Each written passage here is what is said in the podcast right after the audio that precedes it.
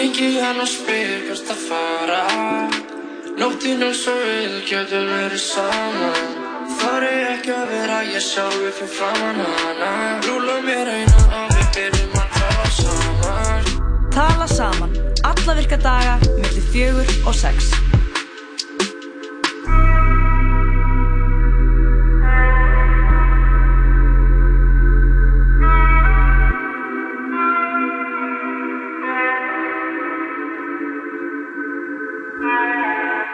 Það er tala saman sem hefst hérna á þessum fallega fymtudegi með þeir eru Jóhann og Lóa að vanda. að vanda og við erum með stúdfullan þátt í dag Jú, mikið rétt Jói, við ætlum að, já, verður kannski smá menningathema. Já, Er- menningar 50 dagur Mm Við erum alltaf að fá til okkar tvær stelpur úr Blekfélaginu sem er svona félag ritlistanema. mm Það er verið að gefa, eða það stendur til að gefa út bók sem er svona jólabók Blekfélagsins sem þetta er hefðir. Það er alltaf að koma til okkar hérna eftir smá og segja ykkur frá því. Það er uh, Gunnhildur og Rebecca. æði og uh, svo fáum við til okkar myndlistamannin Arnar Áskjesson sem var uh, að gefa út bók með verkum sínum Gekkjað. og hann gerir gægjað flottar svona teikningar, Mhm. ennsynningar og skúltúra Mm, Bara ef það væri til einhver sjónrætt miðil sem geti miðlað þessum myndum áfram til ykkar en við þurfum bara að lýsa þeim með orðum. Við þurfum að lýsa þeim með orðum og munum gera það eftir bestu getu en uh, svo eru þetta jóladagatalið á sínum stað Jú, einmitt, jólatalatal. jólatalatal Að koma að 12. þætti. Já. Op opnum glugga nummer 12 á jóladagatalum og hann stekkjastur kom í nótt. Já, Jólasveinninn. stekkjastöður stinnur eins og tré Nei. kom stinnur upp úr baði. Það að taka rúf af auðlýsingamarkaði. Uh, þetta var, þarna fóru við og Jói hálfpartinn nokkur neginn með litla vísu sem var byrtinn á Twitter síðu ungra sjálfstæðismanna í gær. Og flestir eru á því máli að þetta sé hörmulega hörmulega ortvísa. Allir leirburður eins og er talað um það er ekki hrinnjandi í þessu það er uh, svo er þetta bara er málið rosalega hræðileg mynd af stekkastöður að koma stinnum upp á baði. Það er eitthvað sem við ætluðum aldrei að gera við jólasunum okkar. Sem er bónir Já, við skiljum þetta ekki. Uh, kannski fjöllum við eitthvað meira um þetta eftir þannig að þingkostninga líka í Breitlandi. Já, oh god. gangi. Við ætlum kannski að heyra í honum Otti Þorða Já, hann er er, búsettur í Southampton getur tekið púlsinn á þessu fyrir okkur. Þetta er uh, greiðlega stóra kostningar. Vote Eina Labour. þar- Eina þar mikilvægastu bara í sögu Breitlands Getur verið það, Low key low key. Þannig að það verður spennandi að sjá hvort að Labour eh, verkamannaflokkurinn ná mörgum sætum og það verður eh, myndur ríkistjórn sem snýst að því að vera áfram í Európa-sambandinu Mhm. ásund svona því að fleiri hlutir verður settir á oddin Úf, það verður áhugast að sjá. Við erum alltaf verið með kostningavöku hérna. Við erum inni allan nótt í að þúlúa. Fara yfir eh, það er nú ekki alveg satt, jú við skulum ekki vera að ljúa við skulum ekki vera að ljúa hlustundum okkar. Yfir nýjastu tölur. Við verðum því miður bara hérna til sex. Um, með gæði skemmtilegan þátt. Við ætlum að byrja að hlusta á eitthvað skemmtilegt lítið lag og svo fáu þeir Gunnhildi og Rebekku hinga til okkar eftir örskamma stund. Já, If you having girl problems, I feel bad for you, son. I got 99 problems, but a bitch ain't one. I got the rap patrol on the cat patrol. Foes that want to make sure my casket's closed. Rap critics say he's money cash holes. I'm from the hood, stupid. What type of facts are those? If you grew up with holes in your zap of toes, you celebrate the minute you was having dope. I'm like, fuck critics, you can kiss my whole asshole. If you don't like my lyrics, you can press fast forward. Got beef with radio if I don't play they show.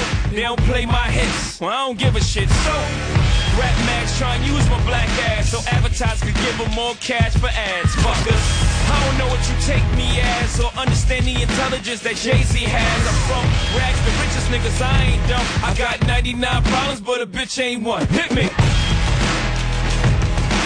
99 problems, but a bitch ain't one. If you having girl problems, I feel bad for you, son. I got 99 problems, but a bitch ain't one. Hit me. Yeah, it's 94 and my trunk is raw. In my rear view mirror is the motherfucking law. Got two choices, y'all. Pull over the car or bounce on the devil, put the pedal to the floor. And I ain't trying to see no highway chase with Jake. Plus, I got a few dollars I can fight the case. So I pull over to the side of the road. I heard, son, do you know I'm stopping you for? Cause I'm young and I'm black and my hat's real low. Do I look like a mind reader, sir? I don't know. Am I under arrest or should I guess some more? Well, you was doing 55 in the 54. Uh-huh. Lost in the registration and step out of the car. You carrying a weapon on you, I know a lot of you are. I ain't stepping out of shit, all my papers legit. Well, do you mind if I look around the car a little bit? Well, my glove compartment is locked, so it's the trunk in the back. And I know my rights, so you gon' need a warrant for that. Aren't you sharp attack? You some type of law or something, somebody important or something. I ain't past the bar, but I know a little bit enough that you wanna legally search my shit. Well, we'll see how smart you are when the K9 comes. I got 99 problems, but a bitch ain't one. Hit me! 99 problems, but a bitch ain't one. If you having girl problems, I feel bad for you, son. I got 99 problems, but a bitch ain't one. Hit me! 99 problems, but a bitch ain't one. If you having girl problems, I feel bad for you, son. I got 99 problems, but a bitch ain't one. Hit me! Once upon a time, not too long ago, a nigga like myself had a strong arm, a hoe. Not a hoe in the sense of having a pussy, but a pussy having no goddamn sense. Try and push me. I try to ignore him, talk to the Lord, pray for him, but some fools just love to perform. You know the type, loud as a motorbike, but wouldn't bust a grape in a fruit fight. And only thing that's gonna happen is I'ma get the clapping and he and his boys gonna be yapping to the captain. And there I go trapped in a Kit Kat again. Back through the system with the riff rap again. Fiends on the scratching again. Paparazzis with their cameras, snapping them. DA try to give a nigga shaft again. Half a meal for bail cause I'm African. Or because the fool was harassing them. Trying to play the boy like he's saccharine. But ain't none sweet, but I hold my gun. I got 99 pounds, being the bitch ain't one. Hit me! 99 problems, but a bitch ain't one. If you having girl problems, I feel bad for you, son. I got 99 problems, but a bitch ain't one. Hit me! 99 problems, but a bitch ain't one. If you having girl problems, I feel bad for you, son. I got 99 problems, but a bitch ain't one. Hit me!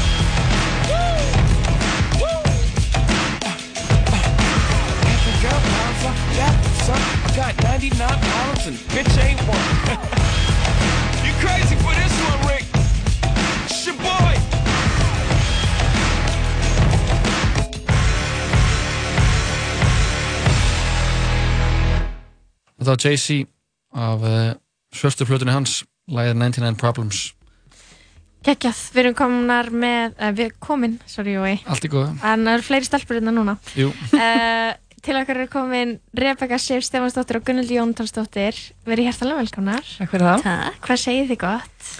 Allt glæsilegt. Allt flott. Er Það ekki? Jú. Þeir eru jólaskapi.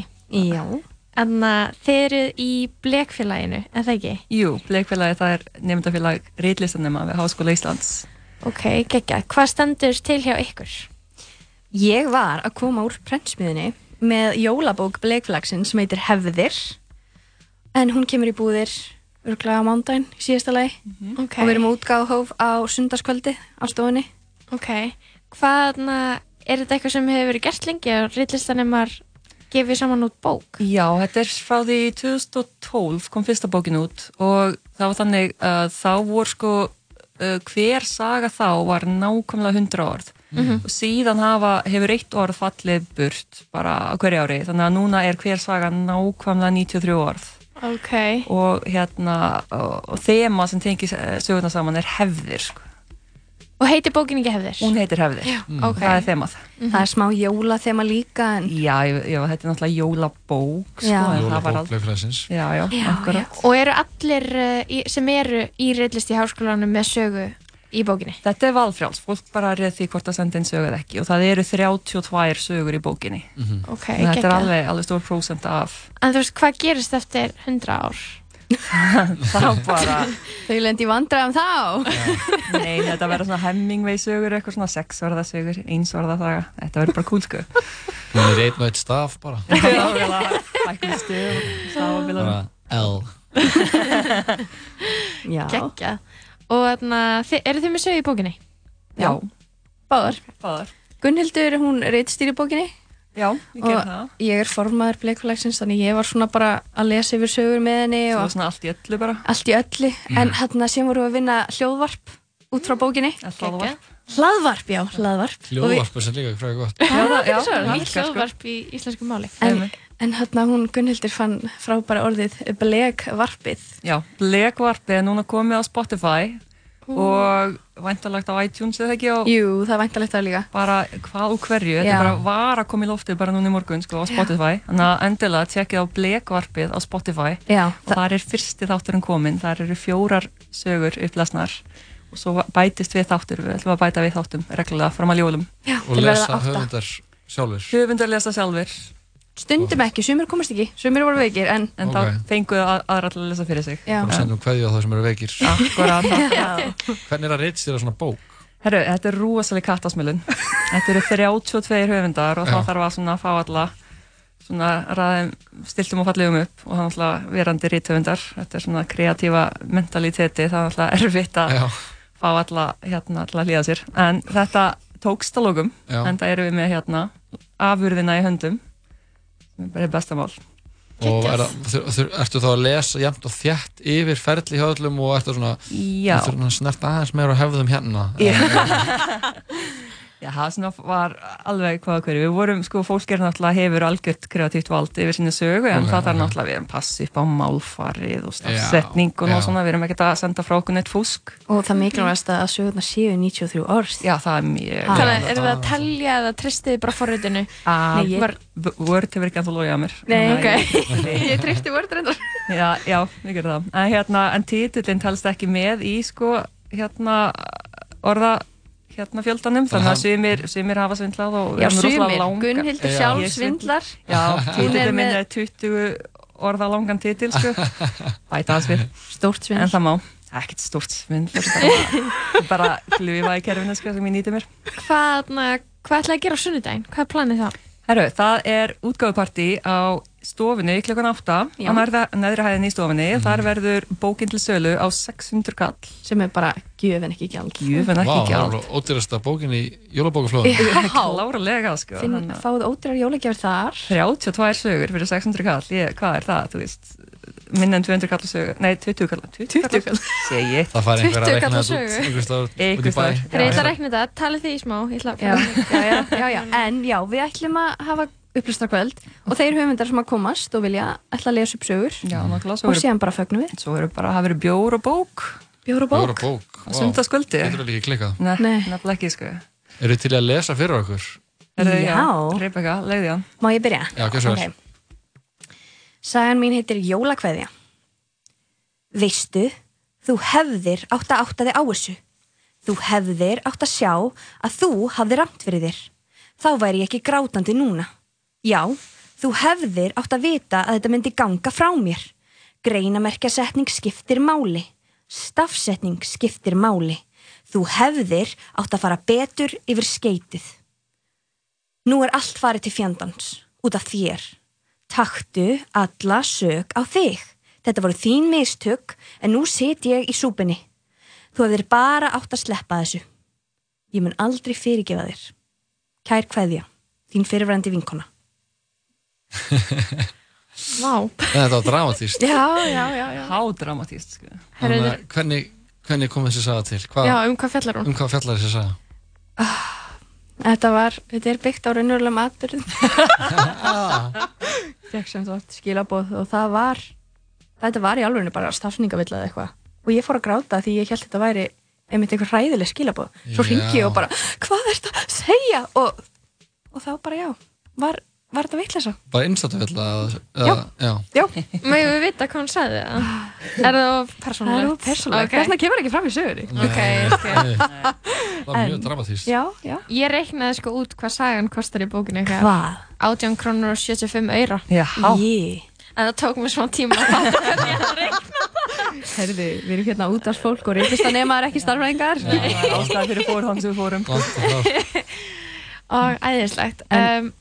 Sagan hennar Gunnhildar Já. er hins vegar alveg stórkostleg Ok. á mínum mati. Já, að, róum okkur á.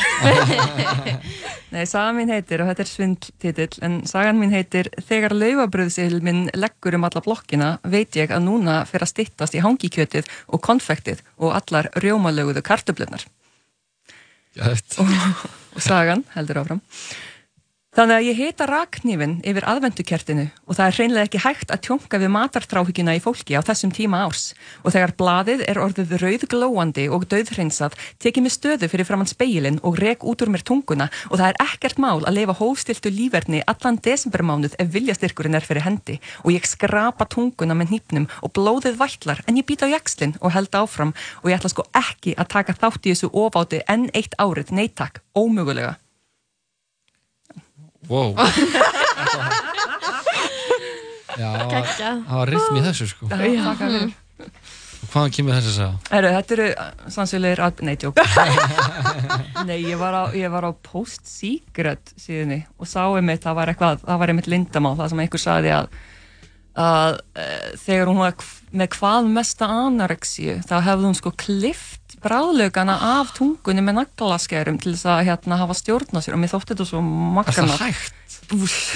Oh my god. Ég veit það ekki. Þetta er bara Já. viðbjör, sko, viðbjör. Þetta satt svo í mér að ég var bara að skrifa litla jólasögum um það. Oh my god.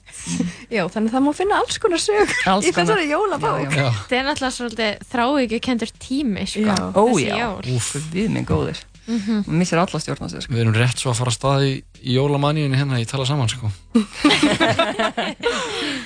en bókin er hægt að nálgast í öllum betri bókabúðum. Öllum betri bókabúm kemur þangað vantilega segir á Eftir helgi, já. Eftir helgi, Eftir ver, helgi. verður hún mætt í bókabúðir Ok. Á sunnudaginn er útgáfuhóf stofunni klukkan 8 Annars er líka hægt að finna blekfélagið á Facebook og bara fengi bók beint frá bíli. Beint frá bíli, Já, beint frá nice. bónda Erum þá eitthvað ódýrari eða? Hún er alltaf nei, ekki Kannski ekki alveg á er hann að flutta sexy. útgáfuhósverðinu, en öruglótur það. Sko, við náttúrulega seljum bókina beint á 16 600 kall Já. en, en þegar hún kom í bókabúðir þá náttúrulega leggst eitthvað pína á Kannski ég komin upp í 7000. Alveg 6999. Já, já, því við erum líka skattur ekki Bókaskatturinn, djók sko. sko. Já, bókaskapturinn sko. Ég veit ekki hvað er að frétta með verða á bókum Nei. í dag. Komið alveg út í öfgar sko. Ah. En stelpur, það var gæt að fá okkur í þáttinn. Er bara takk hérna fyrir að fá okkur Við mælum með að fólk fara á Spotify og tjekka á bleikvarpinu, Algjörlega kaupa bókina, koma á stofuna, kaupa annað eindag þar yes. og þetta er náttúrulega bara fullkomin jólagjöf. Nákvæmlega, þetta er bara, kemur öllum í jólaskap sko. Já. Takk eðislega fyrir komin Eru takk hérna Gleðilega gleðileg jól. Já, gleðileg jól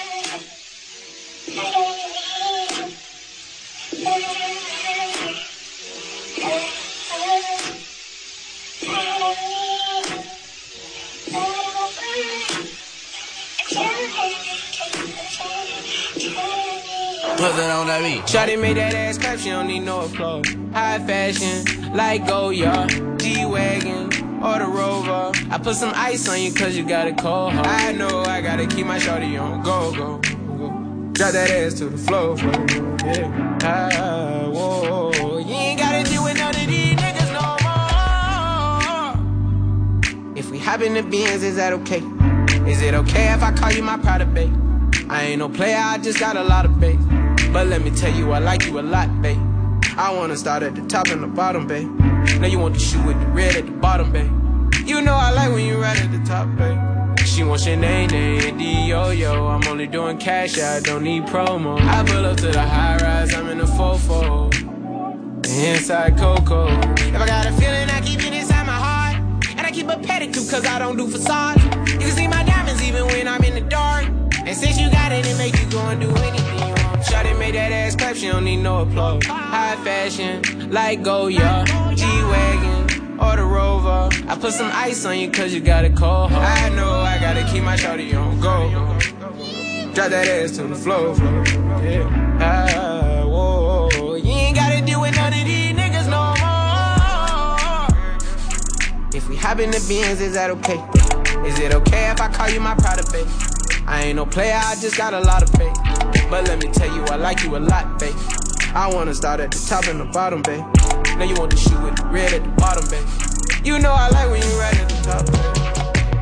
If I hit it front and back, she gon' hit the sidewalk. If she got her best friend with her, take her back to Milo. Got a five in the morning, wildin', wildin'. And her name ain't Megan, but she a stallion. Never keep my hoes divided. Remember I was pulling up in the valley. You know I take her so when she ride. Sweater and the sneakers all Kenzo. Shawty know to drop it low like a limo every time we kick it like Timbo. Shawty made that ass clap, she don't need no applause. I put some ice on you cause you got a cold heart. I know I gotta keep my shawty on go, go. Drop that ass to the floor, floor, yeah. Shawty made that ass clap, she don't need no applause. High fashion, like Goya, G-Wagon, or Rover. I put some ice on you cause you got a cold heart. I know I gotta keep my shawty on go, go. Drop that ass to the floor, floor,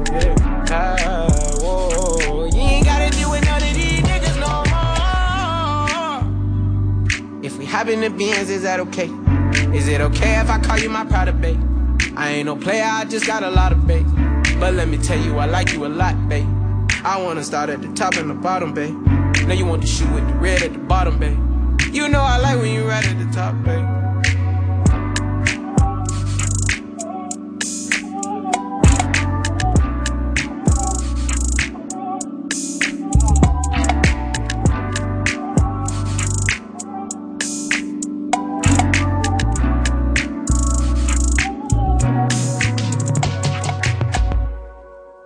Allir Roddy Rich og DJ Mustard lagið High Fashion af plötunni Please Excuse Me for Being Antisocial glæni frá uh, Roddy Rich Við vorum hvaða Gunnildi og Rebekku á Bleikfélaginu sem er félag rillistanema. Það eru að gefa út bók sem heitir Hefðir. heldur Það eru að lesa þrjusu, 93 orða sögur. Það voru að ykkur frá skemmtilegri pælingu þar sem að já, 2012 kemur út fyrsta jólabók Bleikfélagsins Mhm. og hún er akkurat 100 orð sagan sem Hver að, saga? Já, hver saga sem Mhm. að senda inn og nú er hún komin nýri 93 orð. Já. Þannig að við getum búist við því að eftir um það byrj 100 ár verði fólk verið að gefa út sögur með engum orðum. Stefnir í það. og þá loksins get ég byrjað að lesa En við hefum von á listamanni Jói sem Já. þú ert búin að bóka hingað til okkar. mynda sem Arnar Áskjesson er uh, komið til okkar og við ætlum bara að fá hann inn eftir eitt lag hann Geggjað. var að gefa út uh, bók með verkum sínum og, og uh, já ég bara hlakka til að spjalla með hann gerir geggja flotta list og alltaf gaman að fá listafólk við erum alltaf allir því að fá listafólk inga Mm. fáum ekki Ég- pólitíkusa fáum ekki uh, Ekki, útgerðarsmenn ekki fólk sem vinnur í búðum. uh, nei, alls ekki fólk sem vinnur í búðum Hvað fleira að fá? Hefum aldrei fengið til okkar pípara, nei, ég væri reynda alveg til að fá pípara hinga yðnaðamenn. Já, ég væri til við í að fá iðnaðarmenn. eftir, við hefum fengið einn yðnaðamann, það var Tommy Stendós. Það er eini yðnaðamaðurinn sem hefur komið Já. hingað í þetta, ef það er einhver maður að hlusta þú vilt koma í útvarp þú vilt koma út upp er þetta þurfa að ta- fá Gísla Jörgen í þáttinn Já. hann er innan maður og Gunnar Jörgen Gunnar Jörgen, og er hann Jörgen innan maður? Viggo Viggoson, ha, Hann er yðin við að hugsa. hann er yfir að hugsa, já þetta er, jú, þetta er að- einhvers konar er það að sitja og Hugsa. hugsa Um, já, við, kannski ættum við, við, ok, við skulum bara setja okkur það sem áramóti heit, tala saman og fá til okkar að stéttum. einn yðnaðamann á dag. Já, bara á hverjum hálftíma þá kemur maður og hann Þetta hjálpa okkar að festa ljósin sem er alltaf að detta hana úr loftinu Án jokes, það væri næs. það væri mjög næs sko um, erum við að gleyma einhverju svona mikilvæg, svona stóri starfstíð þarna úti? Við höfum aldrei- Bókara, við höfum aldrei fengið til okkar bókara. Já, við hefum fengið til okkar uh, ljósmóður Nei, eða hjúkurinn konu og heldur ekki forritara. Nei Hm. Þeir láta bara hann að kóðan að tala Þeir eru ekkert mikið að Að tjá sem orðum, að tjá sem orðum mitt. En hingað eftir örskamastund kemur Arnar Áskjesson í þáttinn. En fyrst er það uh, góðunni þáttarins Helgi, eða Helgin, eins og hann. Þetta er að sjálfsögðu The Weeknd, lagið heitir Blinding Lights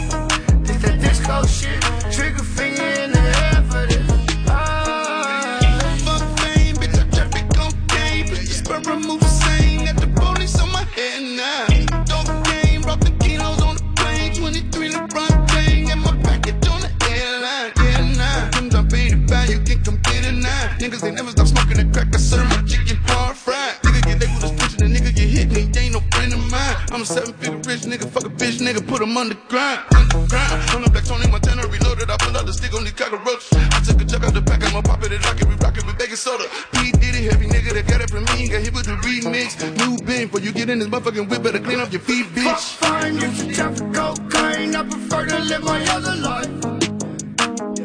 The drug game, fuck around, got full of lame shit changed, now I'm on my mind. Disco shit, disco shit, trigger finger in the air for this. Disco shit,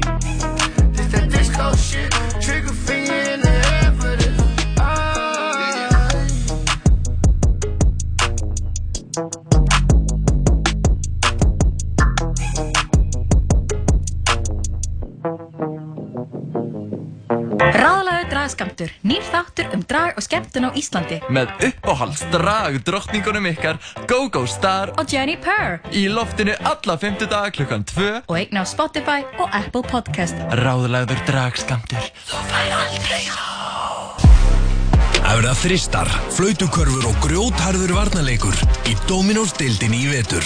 Og við stöndum vaktina. Vertu með. Dominós. Um tíman og vatnið eftir metsöluhöfundin Andra Snæ Magnason fjallar um mál sem snertir okkur öll og alla þá sem við elskum. Tímamótaverk sem á erindi við okkur öll. Mál og menning. Hamburgerabúla Tómasar. Vatn er sigurlaust. Hamburgerabúla Tómasar. Réttu mánaðarins er Kung Pao kjúklingur með brakandi fersku grannmeti og rjúkandi jasminsíslunum á aðeins 1990 krónur. Nings og kroppurinn blómstra. Gefðu upplifun í jólagjöf. Bíókort sem gilda frá mánuði upp í ár á allar kvikmyndir í smárabíói og háskólabíói. Kynntu þér málið á smárabíó.is skástrygg bíókort. Hlustaðu á okkur á netinu á 101.life Já, sítast þessum tala saman heldur hér áfram á þessum uh, Er þetta fallið fimmtagur? Já, Já. er ekki myrkur núna? Það er myrkur núna Þannig að á þessum það er myrka fimmtudegi við komið með góðan gest til okkar myndlistamæðurinn Arnar Áskísson er sérstuð til okkar í hljóðverið Vertu velkomin Arnar Takk hérlega Hvernig hefur þetta? Já, ég myndi segja að myrkrið er svolítið að, að, svona, að, að, að tósa í mig, sko. Já. Það er myrkur. Það er erfitt að díla við þetta myrkur. Það er mjög erfitt, Já. Sko. Mhm. En sund hjálpar, sko. Sund hjálpar mér mjög mikið og sérstaklega á réttum tíma dags Já, ummitt. Maður verður að gera það, sko. Ég vaknaði líka í morgun og tók og ég fatt að ég er að gleyma að taka D-vitamin núna í svona tvo mánuði Það gengur ekki, sko. og ég tók alveg svona fimmfaldaskamt af D-vitamini Já, það er kannski á mikið en Það er ekki tilnætt sem þetta er of mikið Af D-vitaminni? Já, þú bara pissa restin út Ó, ok En nóg um það Arnar, þú varst að gefa út bók Já, ég var að gefa út bók. Hérna, gaf hann út hérna fyrir svona mánuði síðan Mhm. Og gerði svona, uh, svona bókarsýningu í Berlín. Ok. og svo núna var ég að, með svona eiginlega partí bara á, á hérna, um síðustu helgi í Harbinger, það sem ég svona lonsaði henni hér Já. og hérna, og já, það verður hægt að fá hana hérna út um allan bæ fljótlega, þannig að það næla sér í hana sko. Til aðmengju. Takk hérlega. Getur þú sagt okkur aðeins frá þessari bók, hvað hún heitir og, og hvað pælingar liggja þannig að baki? Absolutt. Sko, hún heitir Transmutants and Emotional Curves og þetta eru teikningar, þetta eru 72 teikningar sem ég hef verið að teikna, það er svolítið síðan ég teiknaði reyndar, kannski tvö ár síðan ég gerði síðustu Mhm. og ég var í svona tvö ára að teikna þær og þeir eru svona, ég var svona, ég man ég gerði svona fyrst eina Mhm. og hún var svona, ég var svona að reyna að teikna einhvern veginn hver- svona hvernig mér leið Mhm.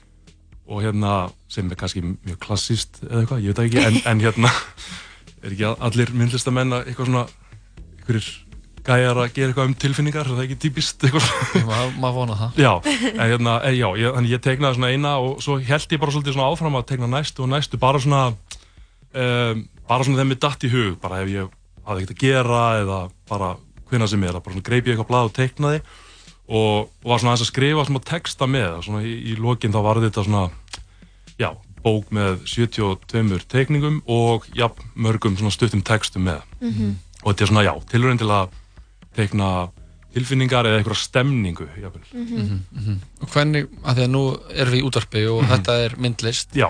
tekningar Mhm. og ef þú ætlaði að reyna, að lýsa þessum Já. myndum fyrir hlustundum þáttarins Einmitt, Sko. Já. það er, ég mitt, það er hérna, ég skal gera tilraun til þess, sko. Þetta er mikið, sko, það er mikil náttúra í þessum myndum, mikið af svona dýralífi, Mhm. en aðalega kannski svona uh, smágerðum dýrum eins og skordýrum, ormum og uh, það er mikið af steinum, plöntum, vatni um, og líka svona, svona táknmyndum sem þú kannski sérð ég er svolítið inspiraður af, af svona táknmyndum sem um, maður sér kannski einhver staðar eins og þessi hérna, nú ætlum ég að sína ykkur eitt orm hérna sem er að sleika Mhm. saman sig Mm, það er Uh, symbolískt. það er symbolíst og ég sá þennan orm hérna á svona írskum bar Já.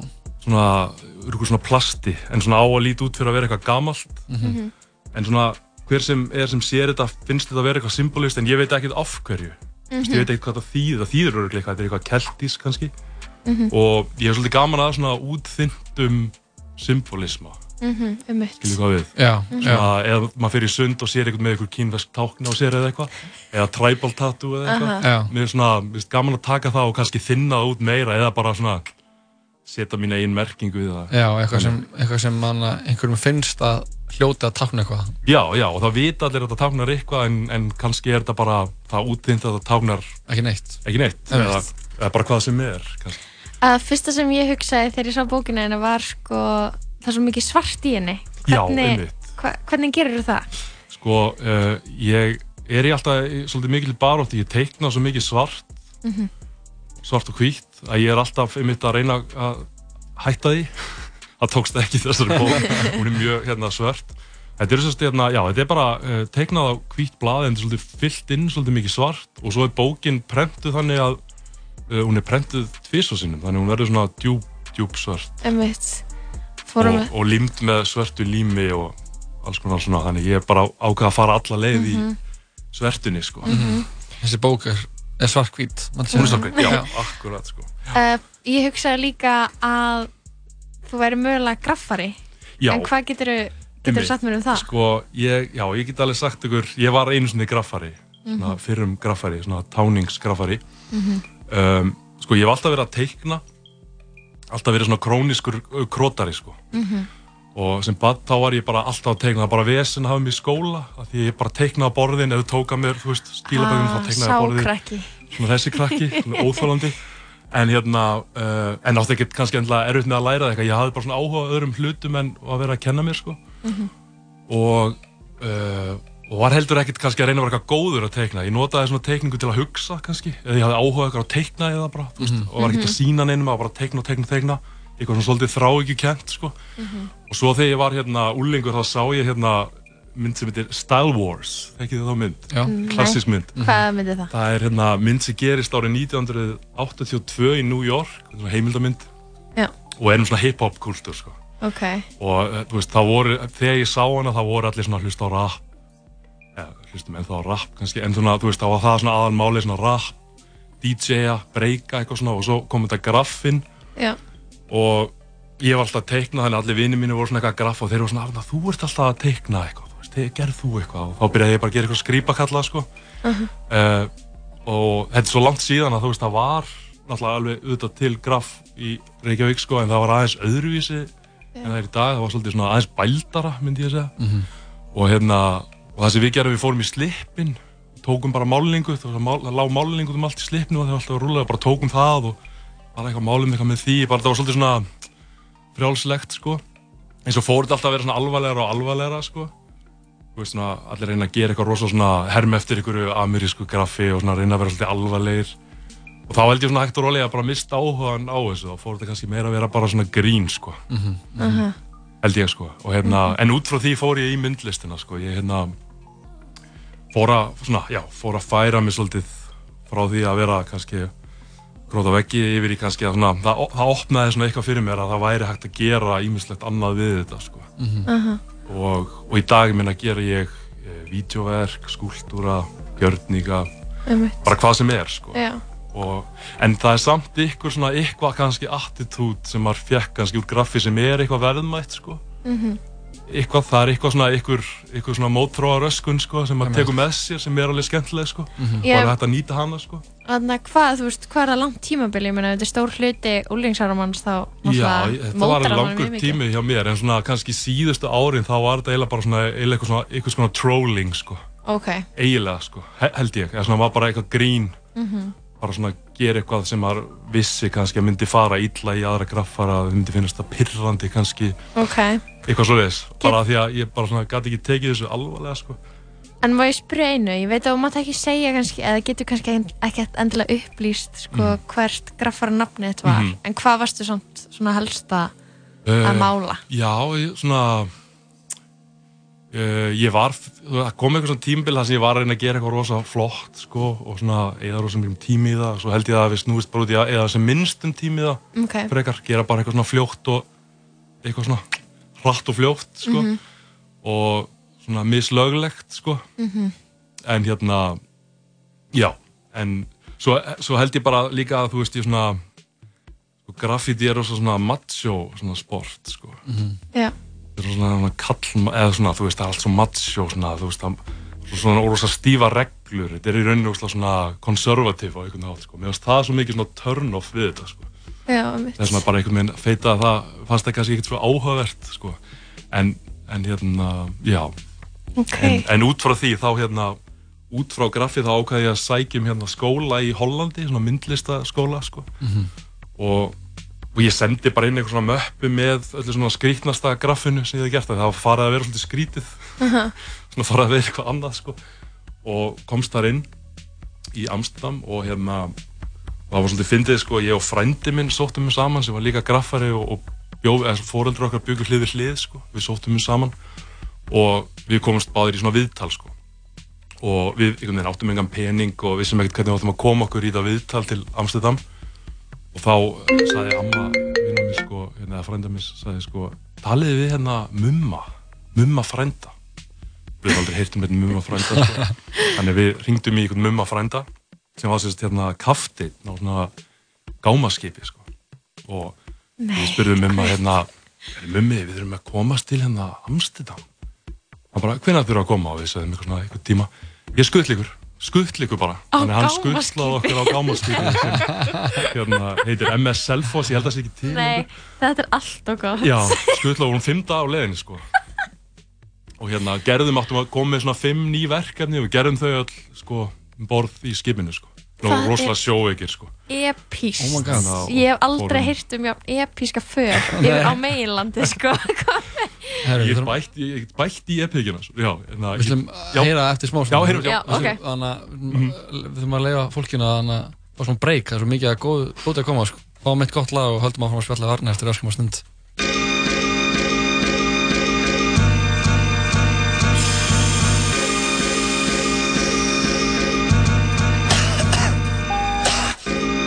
Yeah, you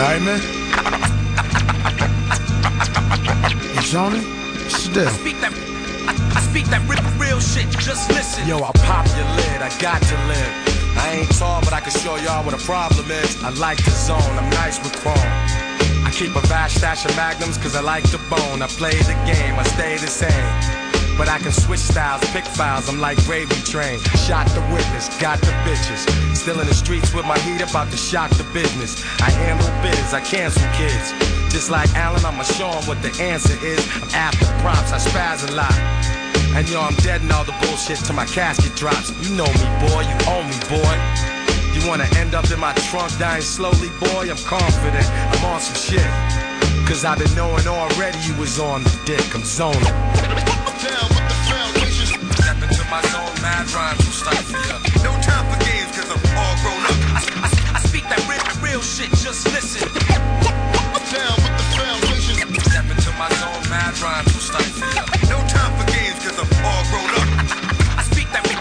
shit, just listen. It's conspiracy, you hearing me? That's why I get love, and still got others fearing me. You never know who's next to blow.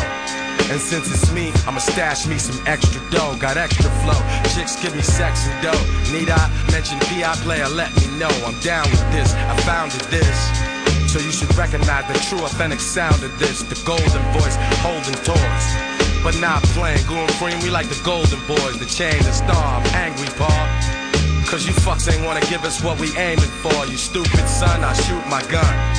From the heart, fool, you know that's where this music's from. Protect your dome, respect the throne. This is Guru and Premier, and you can bet it's on. I'm zoned. Down with the foundation. Step into my zone, mad rhymes will stifle ya. No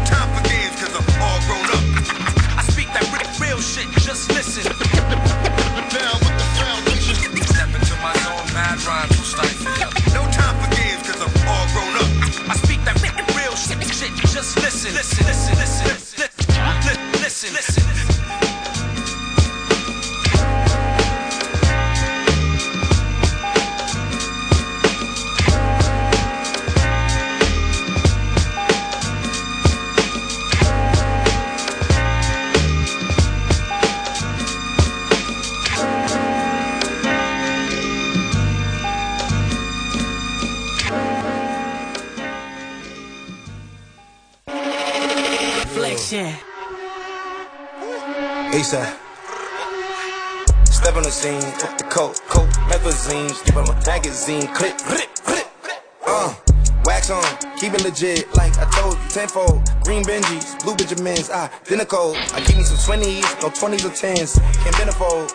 Keep me some crippies, old red billies, no menopause. I'm that nigga, bitches on my zipper, walk around like that nigga. Disagree, I beg to differ. I back those strippers in the back, slap niggas. I even smack children, walk around like Cat Williams. Come for your head, uh, must have been off of your mask, uh, locking them niggas with dreads.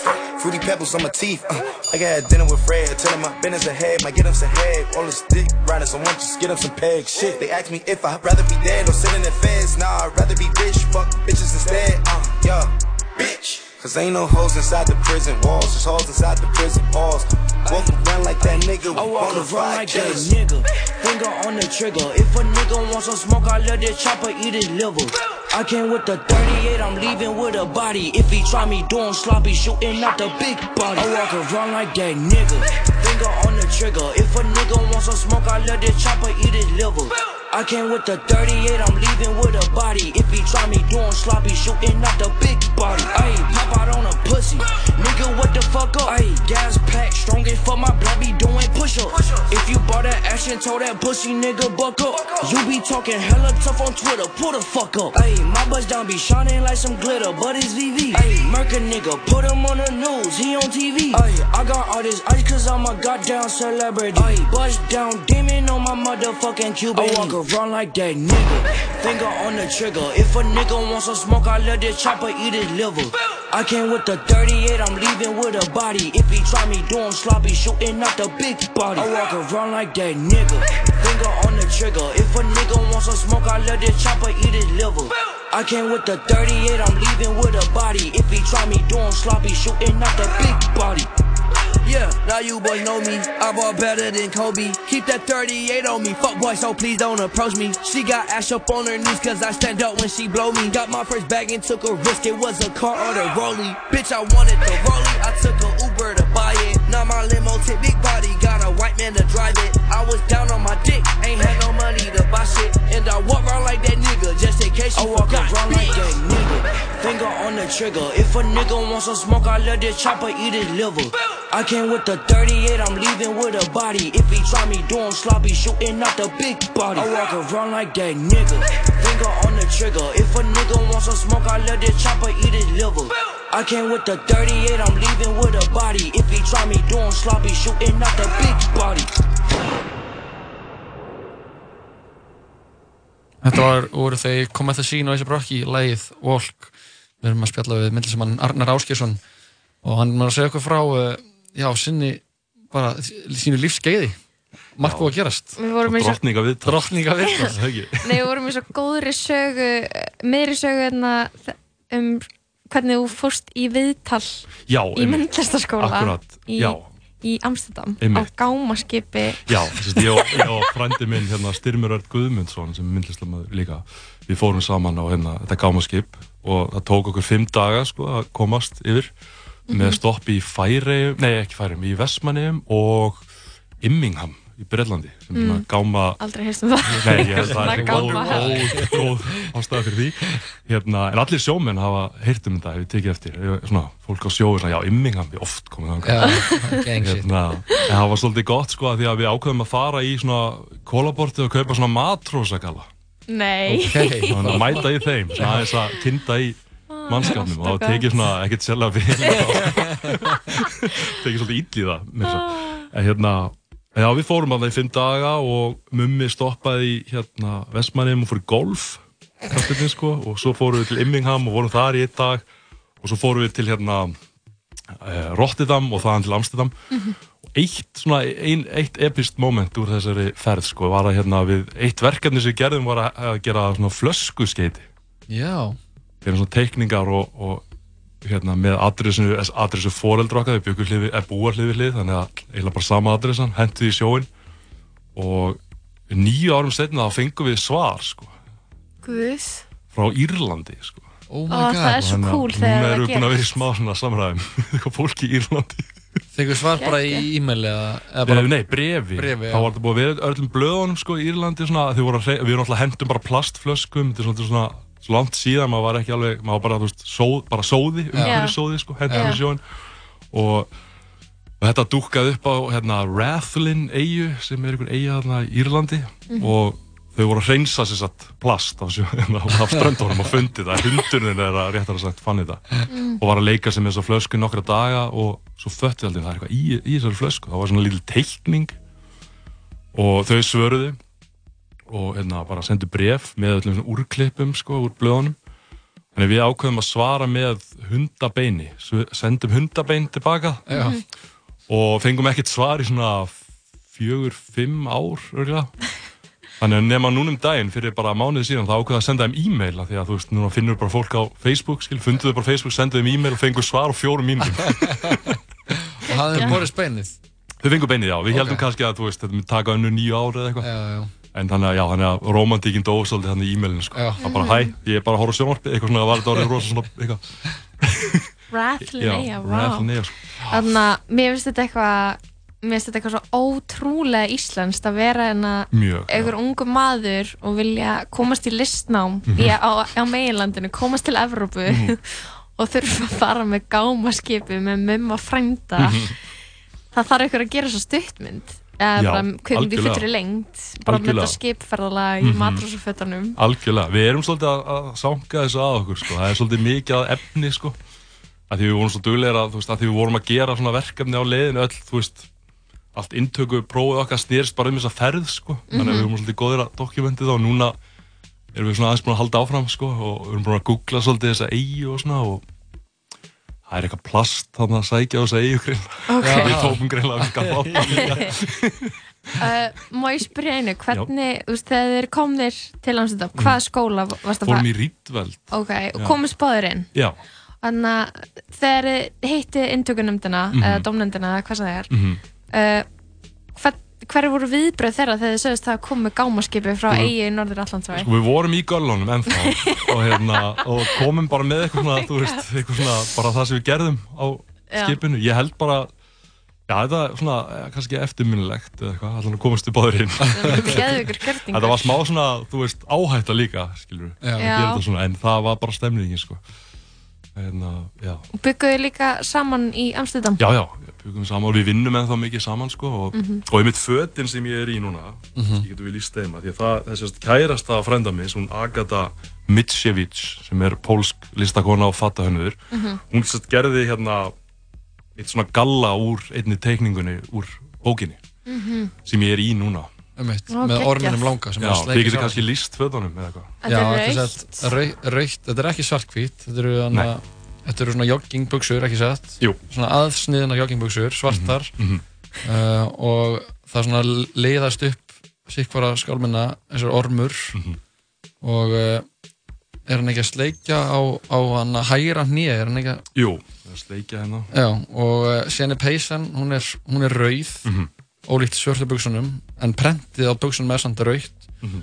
og það er svart prent á rauðu peysunni og eins sérst ormurinn fara upp, upp og niður, bæði annað bak, brjóst og, og, og ermar. Þetta er stemning. Já, Þú, veit já. að, þú segist aðan, þú reynir að, að teikna stemningu. Algjörlega, já Ertu þannig að þú segir að þetta eru eldri verk, allan að Já, tvekja ára gömur. já. Uh, og hvað ertu að brasa í dag?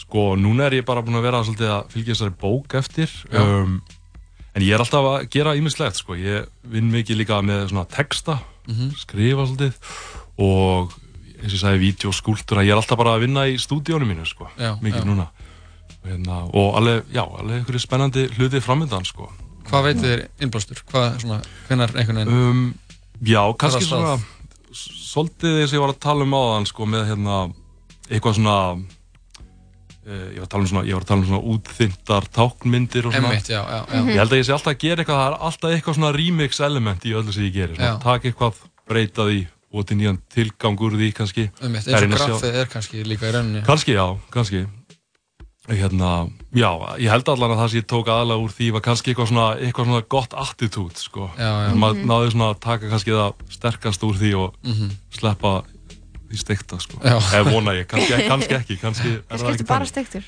Ég vona Nei, það, ég kannski er ég bara sigur steik, sko. Líklegast. Herðu, það var geggjað að fá þig til hamingi með bókina. Já, takk fyrir Eh, það.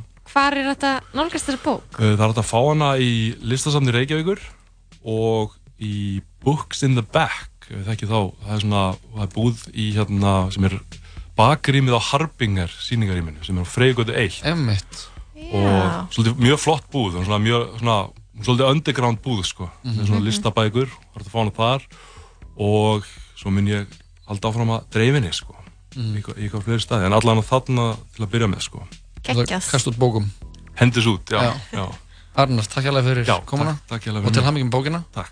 Og við hlökkum bara til að fylgjast með, annars fleiri útindum, anna, útindum, anna, hugmyndafræðum og Takkmyndum. Við endum þetta viðtal á einu góðu, gömlu og góðu, þetta er Forgotten Laws, lagið út.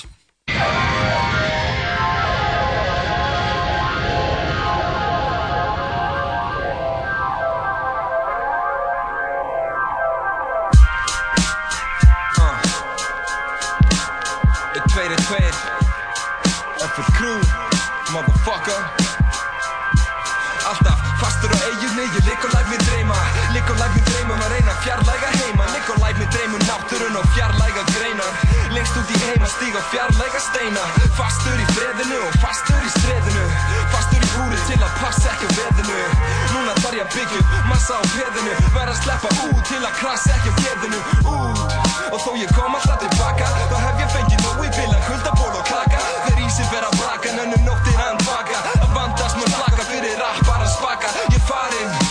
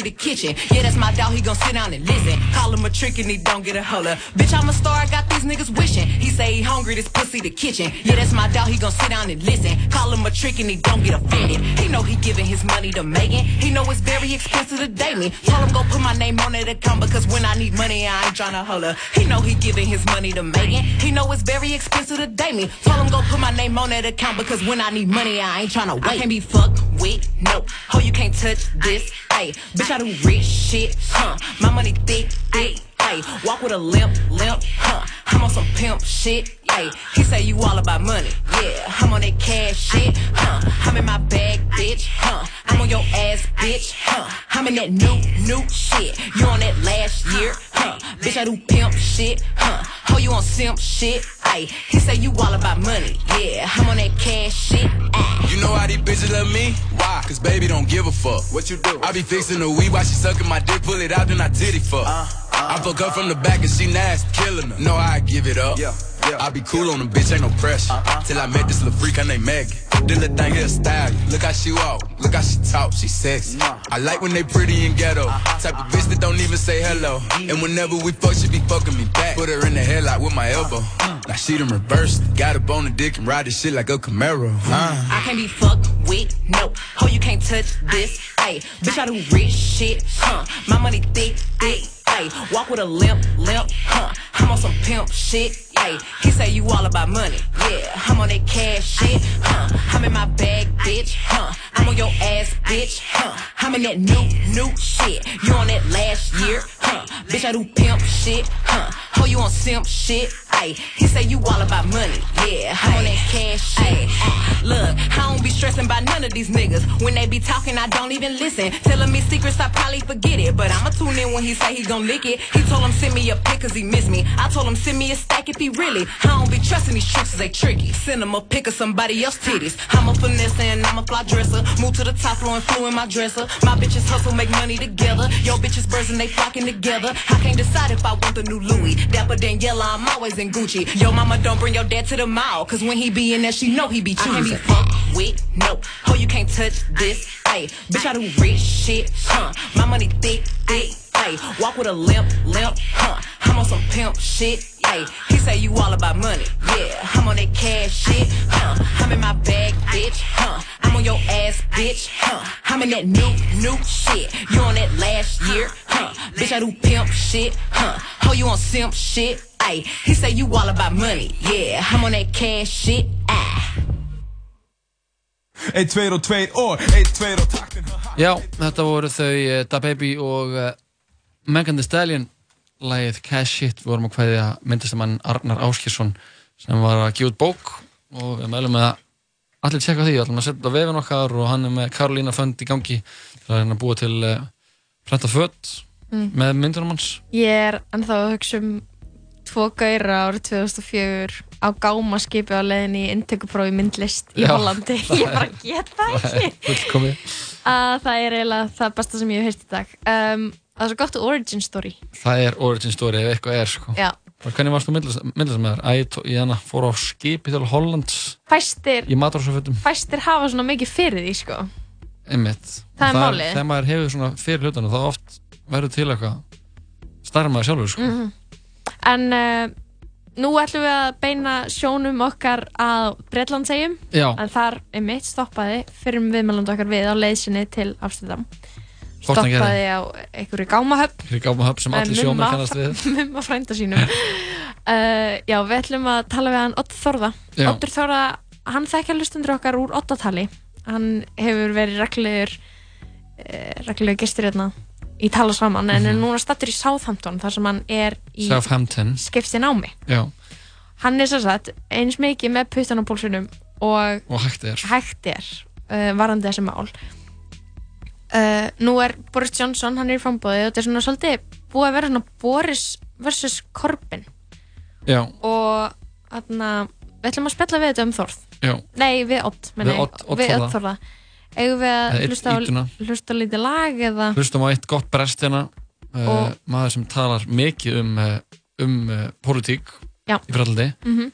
og uh, lætur sem málum varða. Hann heitir Slow Tie Mm. og hann gaf út plötu sem heitir Nothing Great About Britain Úf. og í vídjónu við þetta lag má sjá uh, eftir herma á Boris Johnson leika öll mítlulátum Mm. og uh, lagi heitir Inglorious og er ásamt rafarum skepta eftir örskamma stund ringjum við til Breitlandsægi að fá með að heyra hvernig stemningin er í Southampton á degi kostninga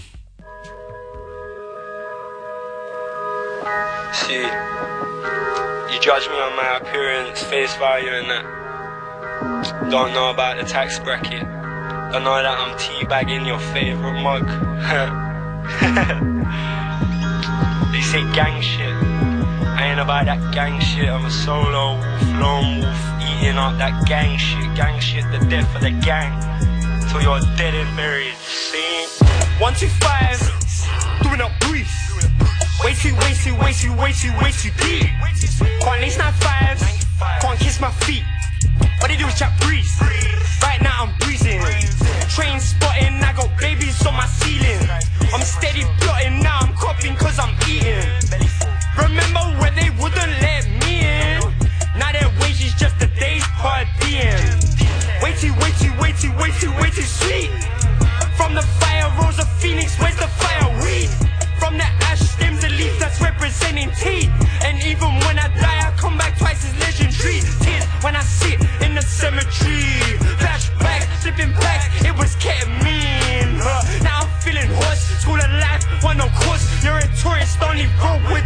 the purest. Ace Ventura, huh? Inglorious bosses, phenomenal, phenomenal. Put a hole in us, cool, yeah. Inglorious bosses, phenomenal. Abdominal, put a hole in us, cool, yeah. Inglorious bastard, phenomenal. Abdominal, put a hole in us, cool, yeah. Inglorious bastard, phenomenal. Abdominal, put a hole in us, cool, yeah. Was on stage with a mash. Just in case somebody told me to suck my mum in the clash. Way too, way too, way too, way too gas. Heard man talk about drip, rude boy. What you know about splash? What a beautiful murder with a samurai sword I slaughter. What you mean? What you mean? What you know about holy water? I stood at the altar, fuck a tab. I do a whole sheet to myself, by myself. Now these big problems just looking much smaller. Yeah, and it's just me, my laptop, and my bank card. I'm directing movies like Gaspar. I drive the Wraith like it's NASCAR. I love the look on their faces when they look in the whip and it's a black star. That's for all the jokes about the jam jar. Wait, you talk about SK level, that's top floor. Will I ever come down? I'm not sure. Look in the bag, I got lots more. She said that I should take my shades off. I was like, what for? Rich boy, got accounts off. Sure, everybody come in and close the door. Inglorious bastard, phenomenal. Abdominal, put a hole in us, cool, yeah. Inglorious bastard, phenomenal. Abdominal, put a hole in us, cool, yeah. Inglorious bastard, phenomenal. Abdominal, put a hole in us, cool, yeah. Inglorious bastard, phenomenal. Abdominal, put a hole in us, cool, yeah. Slowtie og skepta lægið Inglorious af plötunni Nothing Great About Britain við uh, erum hér í síðan setjum að tala saman í fullu fjöri á degi kostninga í Brellandi og uh, það er uh, góðvinni háttarins Ottur Þórðarsson sem er á línunni Ottur, heyrður í okkur? Já, það ger ég. Hvernig hefur þetta, kæri vinnur? Ég hef það bara allt ágætt, takk fyrir að spila Jómen. Ég er hérna bara hreskátur. Þessu kátur, við erum hress hérna það er uh, stór dagur ekki bara í Brellandi, heldur í öllum heiminum þetta er náttúrulega stórt dæmi sem er í gangi Algjörlega. og uh, þú ert stattur í Southampton Já, ég er hérna á suðuströnd uh, Englands, Já. í Southampton og hér er náttúrulega bara gríðileg stemning, það er náttúrulega bara kjördagur og hátíðisdagur, það er hérna, ég fer ekki dóna því, það er bara mikil stemning í loftinu og ég er búin að vera að fylgjast með svona í dag og, og hérna, og hefur verið að bara spjalla af fólk sem ég hitt á förnum vegi og það er allir bara svona nokkuð, nokkur hressir, sko. Mhm. allir bara ég, Já, svona temmilega, sko. má ég spyrja þig, þarna, Otur, hvernig er það svona í þínu hverfi? Hvað, ertu að sjá fleiri er, íhaldsmenn eða er það, er verkamannaflokkurinn sem að, hvor, hvor, hvor er svona vinsælli í, í þínu Sko, hverfi? Það eru í, í mínu hverfi, sko, í Southampton, ég held að þessu þrjú kjördæmi í alla borginni og ég bý um, Southampton, nei, Romsey and Southampton North heitir kjördæmi mitt og það eru fjóru frambjöðandur frá uh, UKIP, um, íhaldsflokknum, verkefnarflokknum og frjálslutum demokratum, eða liberal democrats. Einmitt. Og í kringum mig, það er hérna í götunni sem ég er í, það er dæmis einn gæi búinn að setja skilti fyrir utan að hérna Vote for Craig Fletcher uh, sem er sér að frambjóðandi frjálslunda demokrata. Mm. En það gefur ekkert sérstaklega góð vísbyttingu uh, um það hvernig þetta kjördæmi fer af því að það er alveg gefið að, að íhjaldsflokkurinn vinni kjördæmi sem ég er í. Ok, skoðanakannir sína fram á það. Já, það er alveg og, og hérna og hún þykir mjög góður þingmaður þessi kona sem er hjá íhaldsflokknum. Hún var hérna uh, gögnin síndu, þinggögn uh, senstu kjörtnumabils og kjörtnumabilsin sem er núna senna að ljúka Mhm. að hún sé hérna most responsive um, þingmaður. Einmitt. Þannig að hún, hún er í miklu tengslum við íbúana í kjörtnuminu sinu. Mm. Ég held að það sé svona almennt uh, mikil ánægja með hana og, og Breitland alltaf svolítið skiptist í, í tvo hluta, það er norður hlutin sem hefur verið svona sem er svona fátækjara hluti og, og svo er suður hlutin og, sem er svona meira ríkt og, metta fólk Mhm. ég er alveg klálað á þeim slóðum sko. Ísland sem að ég bý í, það er mikið svona, uh, svona miðstjættar uh, mettuðu fólki og það kýs svoða mikið í allsbakkin En, uh, en snúist þessar kostingar ekki um Brexit? Jú, það er náttúrulega að gera það. Það er hérna, það valið stendur svolítið á milli íhaldsflokksins og verkamannflokksins og það frjálslunda demokrata líka. Íhaldsflokkurinn vill uh, hérna klára Brexit, eins og Boris Johnson segir svolítið, og slaguflokksins er get Brexit done. Mhm.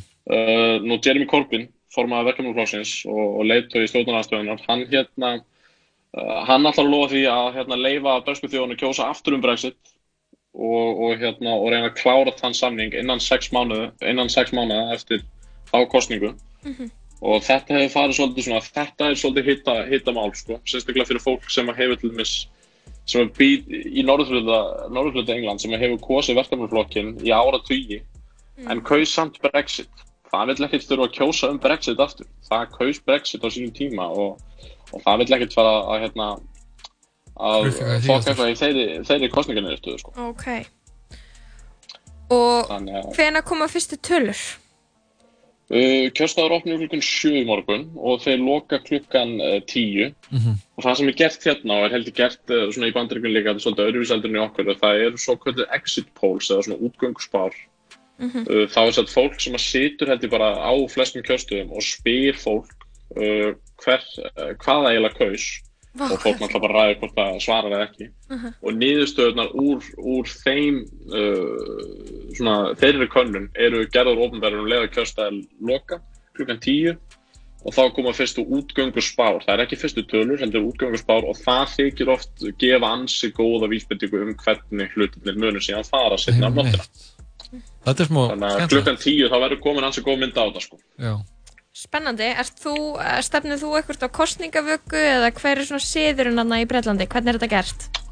Þetta, ég held að það séu nú bara margir sem að fylgjast með þessu sko, svona sem við gerum heima á kostninga uh, sjónvarp og, og hérna eflust einhverjum sem að kaupa snakk og, og, og fylgjast með sko, svo eru mjög margir sem að fylgjast bara alls ekkert með þessu og nenna, nenna ekkert að hlusta á þetta lengur og er búin að hlusta á Brexit og umræðinu það í þrjú ár og, og eru bara komið með alveg upp í kóka á þessu sko. Mhm. En ég, persónulega, stjórnmálafræðin nefn, ég fer á einhverju kostningavöku niður í háskóla á einhverjum breskum stúdum Að þú dast út? Hvað segirðu? Já, sorry, ég, hérna, ég ætla persónulega að fara uh, niður í svona stúdendakjallaran og, fylgjast með kostningum það verður líf og fjör Ok, gæð, það hljómar er svo frekar mikið stemning sko. má, ég- má, ég, Já, það verður gaman sko má ég spyrja einu, þú þarft ekki að svara hvernig að þú værir eh, ef þú mætti kjósa í Breitlandi hvernig myndir þú kjósa? Ég myndi kjósa verkefniflokkin Nó, King Corbin, er hann ekki aðalkallin hann eða? uh, Jú, hann er það sko og þú veist, hann er svona uh, einu raun hefur möguleikin til þess að uh, svona, vil ég meina svona storka ígjaldsloknum og, og, og reyna að, að hérna, snúa þessari Brexit ákvörðun við uh, sem að væri eitthvað að held ég gæti virkilega komið bergþjónu vel en það held ég samt ekkert vinsalt sko. það held ég mun ekki vinna það, ég, það er eiginlega ekkert um það að ræða ég held að ég held svo fyrir vinna þessu kokar og hvort, hvort sem maður er meiri hlut ekki það er um svo alltaf Já. en ég hugsta að á morgun það verður Boris Johnson en þá fórsetast bara í Breðlundur sko. Já. Og þegar, þegar það verður orðið ljóst þannig að hvernig heldur að stemningin verði? Heldur að hún breytist eitthvað? Heldur að fólk verði heldur að svona Allt verði einhvern- eins. Allt verði eins eða Já, ég menna sko, þú veist, Brexitum er náttúrulega hverki næri búinn. Breitland er ennþá inn í Europsamlutinu, þannig að það eftir að ræða það baku fyrir alveg ennþá og, og það er náttúrulega þetta svona, þetta, þessi gjá sem hefur myndast á melli fólks, svona polarisering eins og við sjáum líka bara heima og sérstaklega út í bandaríkjunum við Trump. Mhm. Þetta hefur alveg sett skarð í, í hérna, í svona kostningahæðun og hvernig fólk upplifir pólitík í hérna vestarna heimi og Mhm. það mun alveg klálega halda áfram að vera þannig og Mhm. það mun klálega lita allir stemningu í landinu um, um ákvæmna tíð sko. Nú er þú anna, stjórnmálafræði nefni Já. uh, Ertu með einhverja lausn á þessum- þessari polariseringu? Hvað getur þið gert?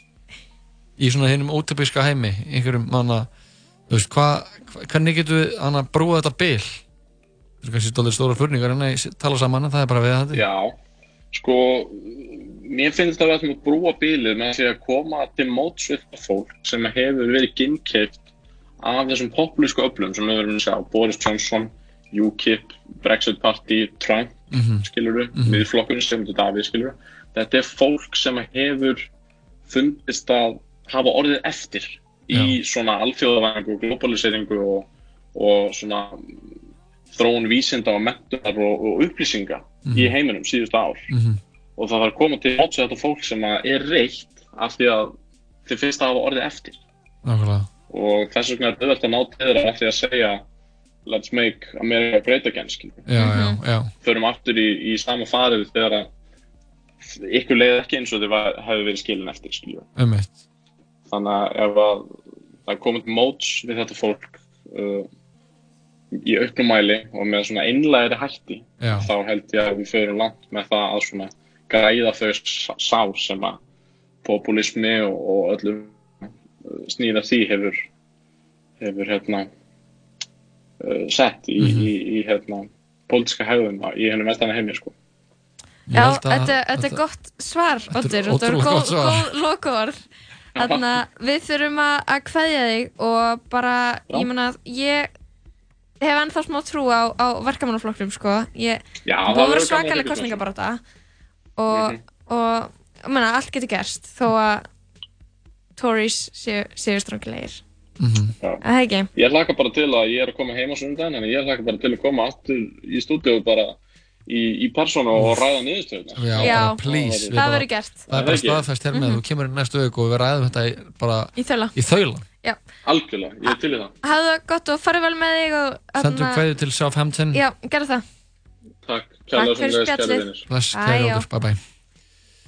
Já, Já, Oddur virkilega, Þórðarsson, virkilega gott að heyra í honum. hann er stjórnmála sérfræðingur þáttarins, það er yngum blöðum og það að fletta. Mhm. En uh, við fáum eitt gott lag og uh, að því loknu er það uh, Jólatalatal. Jólatalatal.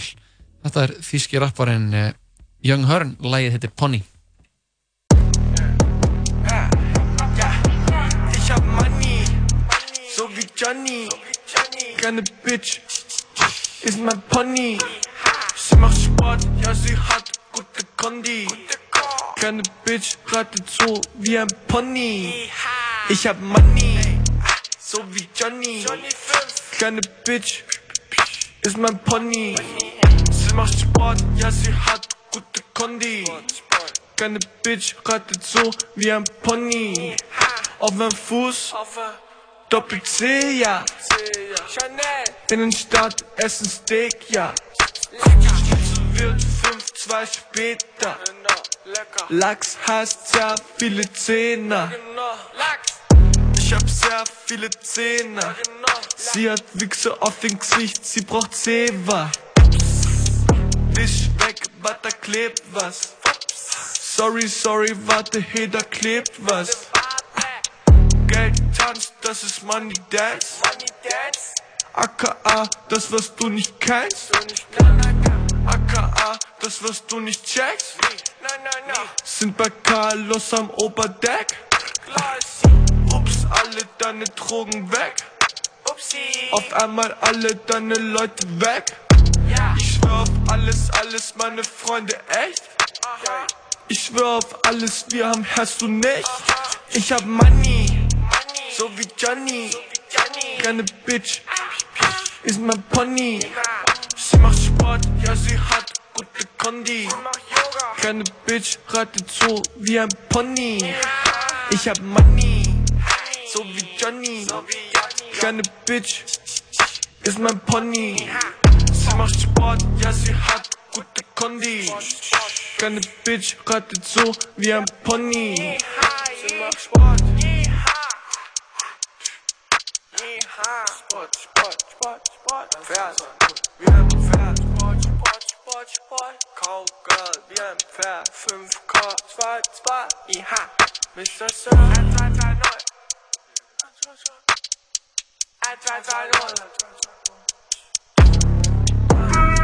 Þú getur hlusta á alla þættina af Tala Saman á Spotify.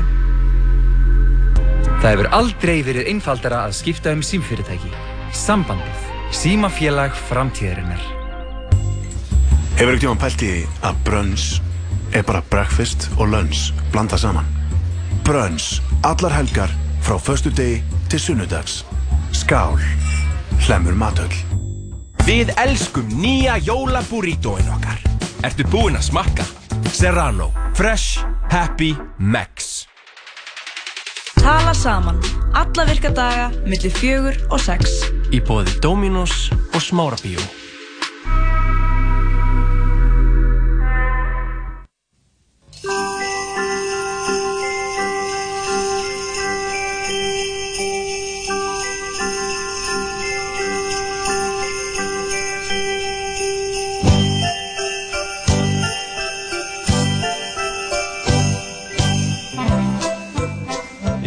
Já, góðan og blessaðan daginn. Það er 12. desember þeim tekur á móti á okkur hérna í stúdíónu. Eh, Þetta er Jólatalatal og ég heiti Pálmi Ferrir Haugsson og því miður er Guðmundur Ferriksson ekki með mér í dag.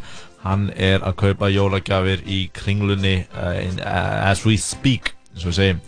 En það er alls konar sem kemur upp á jólunum. Það eru fyrirspurnir sem við erum að fá, fólk sem vil segja jólasögu sína og okkur barst e-mail fyrir nokkrum uh, dögum uh, frá manneski sem vildi endilega koma í þáttinn. Og það er bakari sem hefur sögu að segja. Bakari er náttúrulega mikið að gera hjá bökurum um jólun og það er mikið af uh, pipakökum sem er að gera og smákökum og smátertum. Og hérna og hann er bara komin hérna í stúdíu já, verður velkomin Já, blessaður, blessaður, Pétur Bakari heiti ég. Sæll Ég Pétur. er að vinna hjá Björns Bakari, ég heiti samt ekki Björn, ég heiti Pétur. Það er svolítið rugglandi stundum. Já, þú ert ekki eigandi bakari, já, þú vinnur bara hjá Björns Ég bakari. vinn í Björns Bakari, en ég heiti Pétur. Já, en Björn, er einhver annar maður sem vinnur í bakarinu Uh, ég, ég, ég, þekki það bara ekki Það er Nei. held ég bara maður sem stopnaði já, einmitt. Ég kannast ekki við það En, en já, já ég, ég, sendi bara e-mail Ég var alveg hérna, þurfti að fá að segja frá þessu sko. Já, Það er ótrúlegt það sem gerist á jólunum sko. hérna, Jólakraftaverk sem gerast Já, já, er, er, fyrir mörgum árum eða Nei, bara núna rétt fyrir nokkrum dögum Nú, já, varstu var bara að lendi jólakraftaverki núna? Varstu bara að lendi jólakraftaverki? Já, ég var, veistu Já. Ég skrifaði þetta í e-mailinu, þú veist hvað gerist Já, ég segðu það hlustendurinn Já, já, já, heyrðu, ég, ég var að baka pipakökur Svona fyrir jólin eins og maður gerir.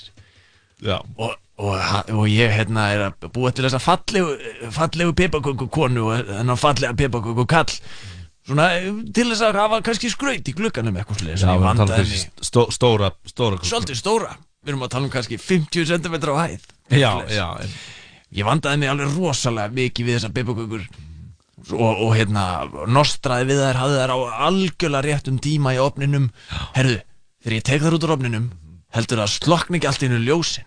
Bara rafmagni fór. Nú. og ég bara, hvað ger, hva gerist? E- e- Bjarni, Bjarni. Já, kalla á bakari kalla á já, Bjarni hann heitir sko Bjarni, hann heitir ekki Björn. Ma- maður maður, að- nei, nei, það er maður sem er að vinna með mér í bakarínu sem heitir Bjarni, hann heitir ekki Björn, hann svona pínur ruglandi. Ok. Allavega, ég, kalla á Bjarni bara, hvert var rafmagnið? Heyrðu, heldur að rafmagnið kveikningi aftur, pipaköku kvallin og pipaköku konan eru lifandi. Ha? Um leið og ég vakna. Ok. Það segja bara halló ha, Og segði halló við því Það segja bara halló, góðan daginn, takk fyrir að fæða mig til lífsins. En, en nú eh, sé ég hérna pipaköku og pipaköku konu uh, fyrir frammi og þau eru ekki að hreyfa sig uh, nema uh, er, er Býta eins, býta eins, ég má ég, ég slökka hérna? Má ég slökka? Já, maður slökkur ljósið. Slökkum bara ljósið, já, nú er er alveg myrkur. myrkri, einmitt. Já, ok. Og við kveikjum aftur. Kveikjum. Hæ, hæ, hæ. Lífandi Hæ, hæ Lífandi Lífandi Þau eru með litla trommu og gítar þessi pipaköku hjón og eru ja, vissulega smá creepy. Hérna Pipaköku kallinn heiti ég. Pipaköku kallinn heiti ég Pipaköku kallinn það er ég.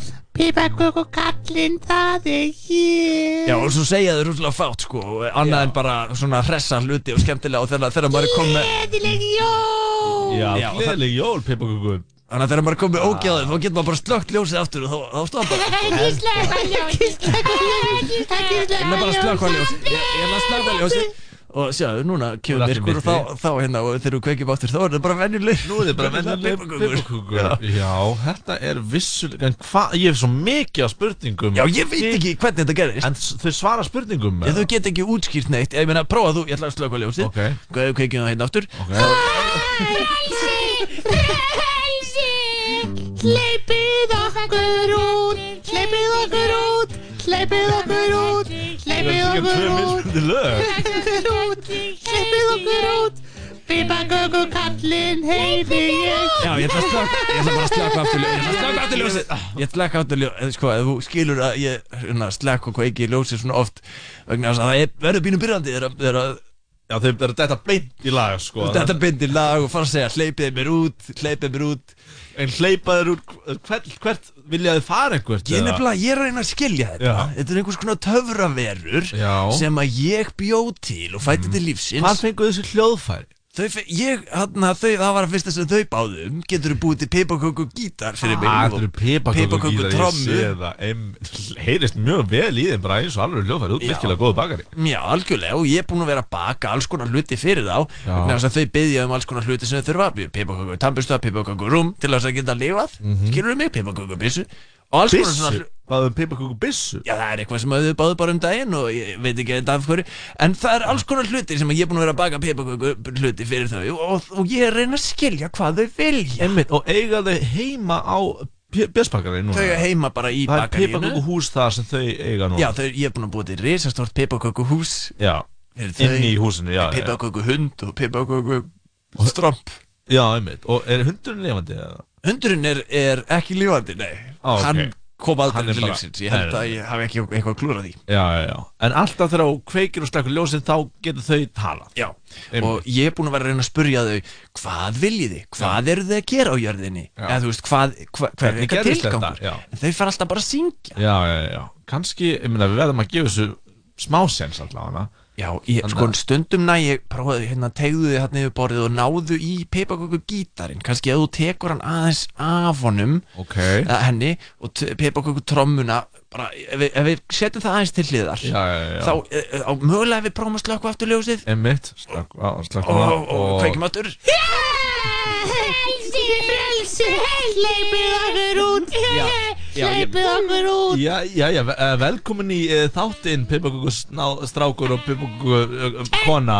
Ke- Kettling og já, kall. Kettling og Ég er kall ekki strákur Nei. Ég er tíu daga gamall. Einmitt, einmitt. Og þið voru til í opninum hjá honum Pétri? Já.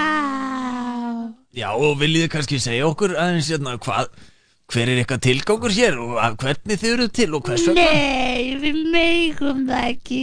Lindamál Lindamál Linda, lindamál Lindamál Já, já einmitt hérna. Réttu mér gítarinn. Já, uh, ég bara, ég ætlaði bara rétt svo að ná smá með að tala Nýja trommu fyrir mig Og sög. Bakaðu sög. Þegar, til hvað þetta sög? Lindamál. Já, ég ætla að fá að slekka ég ætla að má ég koma með eina spurningu við búið Þegar þið segir hleypið mér út Hvert, hvað eru það að tala um? Viljið þið fara einhvert uh, Leipu mér út. Út úr þessu stúdíói? Út úr þessu Og stúdíói þá viljið þið fara Til djöfulsins. Hvað á Pípakokkall Pípakokkall Hvað getið þið farið til djöfusins? Drepa Ok, slöktu Já, ég ætla að slaka ljósi Ég hérna, nefnilega, sko, ég nefnilega, þú veist, hef ekki fengið mörg svör Ekkert í jólan Ég hef ekki fengið mörg svör út úr þessum pipaköku göllum og pipaköku kjallingu en eh, þau segja alltaf að sé lindamál, hvað er þeirra verkefni? Já, en þarna virtu þess að missa eitt út í sig að þau ætlaði að fara að hitta djöfulinn og drepa Einmitt, og þetta er eitthvað sem ég er búin að óttast mjög lengi Já, ég var nei, meira vonast eh, til að það var eitthvað svona skemmtilegt jólatvist í gangi en, Já. en þetta er mjög creepy og kannski ha- eða, þetta er Akkurat, fyrst þegar þetta gerist þá var ég mjög gladur og Já. hugsaði, já, þetta er einhvers konar jólakraftaverk Já. En núna held ég að þetta sé meira einhvers konar uh, svartigaldur Einmitt. Satans sem Kölski hefur verið að brug, brugga. Mögulega, mögulega. En ég þarf svona alltaf að slökka á þeim og, og hérna, þú tókst eftir að þau verða Æstari og æstari, já. Reyðari og reyðari eftir því sem við höfum þau lifandi lengur. Já, já, já Þannig að við, við erum svolítið mikið að gera þetta svona þegar krakkar koma í heimsókn í Já, bakaríið þeir eru að lega krökkum og sjá þau. Já, svona aðeins bara Já. Kveikjum og Kveikjum aðeim aðeins og þau taka eitt lag og svo slökkum við aftur og krakkarnir þurfa að fara. Já, já, já, þau virtist vera mjög aggressíft án hljóðfærinu einmitt, sko. Algjörlega og ég lendi einu sinni í því að það var, það var fimm ára drengur sem kom í bakaríið og ég sagði, herðu, viltu sjá? Lifandi já. Og hann sagði, já, ég er til í það. Og hérna, ég, ég, gat, ég hafði of kveikt of lengi. Já. Og sá drengur er ekki með okkur hér í dag. Drápu þau fimm ára dreng? Það er sorglegt að segja frá því. Það er hræðilega sorglegt að ímynda sér hvað pipaköku mannskur Já, vá, ég get eiginlega ekki bara ímynda með það. Já. En þá voru þau með hljóðfærin Þau virtist vera róleð þegar þau voru með hljóðfærin kannski Já. Róað hljóðfærin þau. Hljófærin á einhvern veginn að, að- að kjarna þá. Já. Kjarna þau. Og kann, kannski ef maður leifir læginu að lifa Þá heyrum við kannski hver ásetningurinn er. Herru, þetta er góð hugmynd. Já. Kannski ef við gefum réttum aftur. aftur, Já, einmitt, gítarinn já. Og hérna. trommuna. Tromman hérna. Þá kannski kemur fram í læginu þeirra Þetta er góð hugmynd. Þetta, Við getum að dana reynd þetta Við prófum að slökka hérna. Slegi strákur og við kveikjum aftur. Ég Frelsi Hleypakökukallinn Hleypakökukall Hleypakökukallinn heiti ég Hleypið okkur út Forgarður helvítis er undir smára lind Undir smára lind stöndljós, stöndljós, stöndljós Heyrðu, þannig að fengum við miklu meira sko. Vá, það var nákvæmlega sem þú hafði spáð fyrir Já, bara ótrúlegt sko. Maður ma ma túnar svolítið út sko. En hérna pipakukelling heiti ég. Pipakukelling Sá, maður heiti ég. Leipið okkur út. Borgarður helvítis er undir. Þetta hljópa fáralega Undir smára Undir smáralind. Einmitt, ok, þannig að þau ætla, þau eru alltaf að hleypa sér út úr stúdíu og þau eru kannski erfitt með, út af ekki með þumla eða þau lett með að spila já. en að kannski snúa hurðahúnum er svona snúningshurðahún hérna í Björnsbækari Já, það er mjög erfitt að komast út ef maður er ekki með putta. Sami og er hérna einmitt þannig að kannski erfitt að fyrir þau að opna en þau verða að komast út og þau verða að komast undir smálindina og þar er forgarður helvítis. Og þau virðist vera alltaf að fara til Kölska og eða drepa einhvern og fara með hann til Kölska. Það er einhvers konar uh, ás, eða svona mission í, í gangi. Já, allir þetta sé einhvers konar mannfórn Já, það gæti verið mannfórn það var einhver merkil, merkil, merkileg person á Íslandi kannski sem Kölski vill fá til sín eða, eða fórn, eða einhvern, einhvern sem vil taka úr helvíti. Gæti verið. Gæti verið. Hmm. Ég ætla bara að slaka ljósið og og kveikja. gáum. Frelsi Hleypið okkur út! Hleypið okkur út Pipakökukallinn heiti ég. Pipakökur landsins sameinist og myndið eitt stór pipakökuskrýmsli sem bur Við sveitar Fyrir síðan að borða okkur. Sameinist. Þeir Sælur, sælur, sælur, sælur Það er svo mikið af upplýsingum hann sko Og svo þurfum að uh, komast yfir Ok Sam, eitthvað, ég náði Hann heiti greina Peipakukur kall Og hún er Peipakukur kona Hleypið okkur út Það er allt komið fyrir. Já. Síðan ætlaði að saminast hei, Samina heima eða eitthvað skona Já, það sagði piparkökur landsins sameinist. Búið til risastórt piparkökur skrýmsli Og svo einhvern veginn var piparkökur gellingin að segja á sama tíma Börnin er alltaf að borða okkur Nú skulum við borða þau. Ég held að ég skilja Þau eru með ristórt deg eða eitthvað Og opnin sem eru að gera þetta deg í Er forgarður helvítis Og þar verður skrýmsli til úr pipakökum Sem er þá að borða uh, Borða börnin Börn landsins. Og þau byrjuðu þarna í bakarinn hjá þér greinilega. Til þess að þau séu ekki að borða Til að hefna fyrir að þau hafa verið að borða pipaköku fólk. Já. Alla sem tíð, vá, þetta er Þetta er alveg ræðilegt, þetta geti enda mjög illa. Eflust eru kannski fleiri bakarar að lenda í þessu sko. Já, kannski. Kannski eru fleiri bakara uh, st- kallar og konur að reyna að komast úr bakaríunum og fara undir smáralindi forgar helvítis og Ég geti kannski heyrst í honum Svenna í, í Pétursbakari uh, Tjekka á því Já, þú getur gert það En- Þú getur bara látið á spíka eða þú vilt Nei, ég er búin að vera að reyna að ringi hana Ég hef ekki náði hann marga, marga vikur sko Prófaði eins og nefn Ah. Prófaði eins og nefn, bara út af verið mjög útarfyrir Bara látið á spíka Já, býttu nú með Já, ég ringi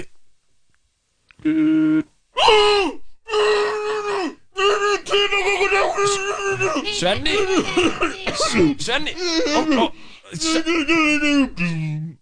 Já, þetta er bara slitaði En heyrður þú lægið undir?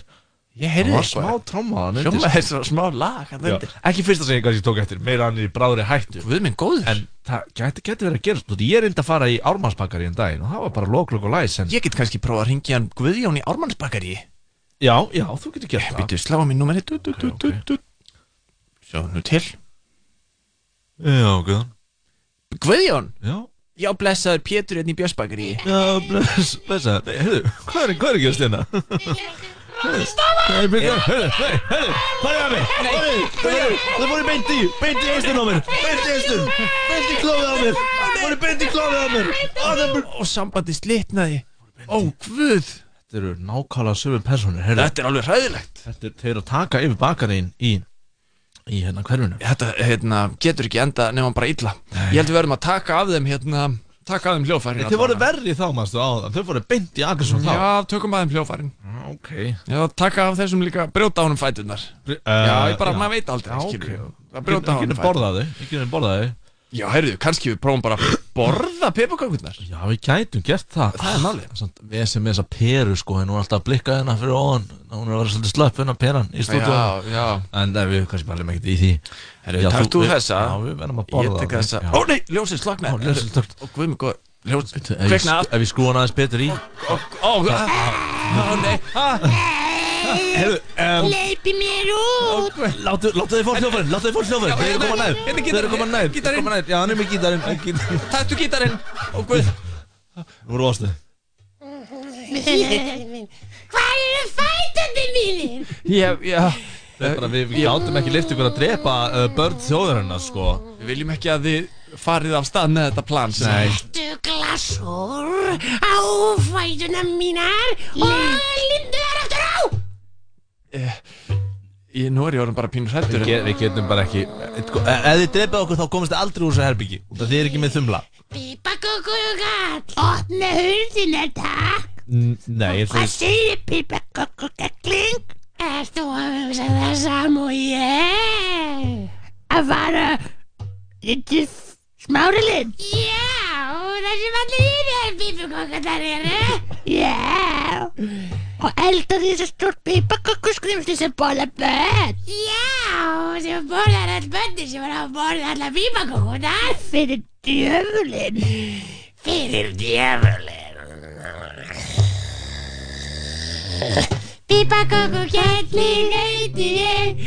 Pípakokukallin heiti ég Ég er að þið þreyttur á að hanga hér Við ættum að koma okkur Opna fyrir okkur Opnaði fyrir okkur Opna Já, sko, við, við, við viljum bara að þið hættið við þetta verkefni vegna þess að það, það, þið megið ekki borða öll börnin á Íslandi En allt börni sem er að borða okkur Já, það, það Þau þið vissu ekki að þið varðið lifandi í skeppnur Nei, þið eru peipakökur, þið eigið að vera að borða þér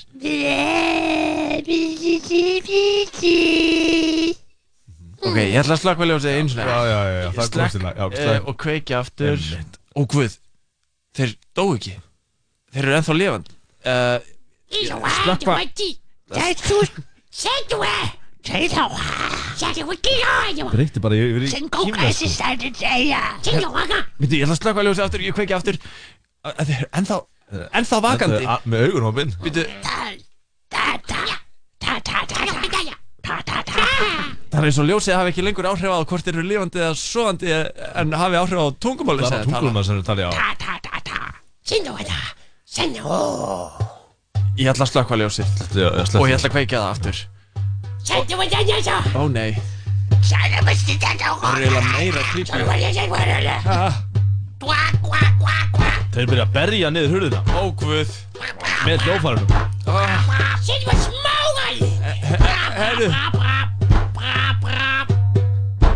Herru komið þið hérna. Stoppið þið.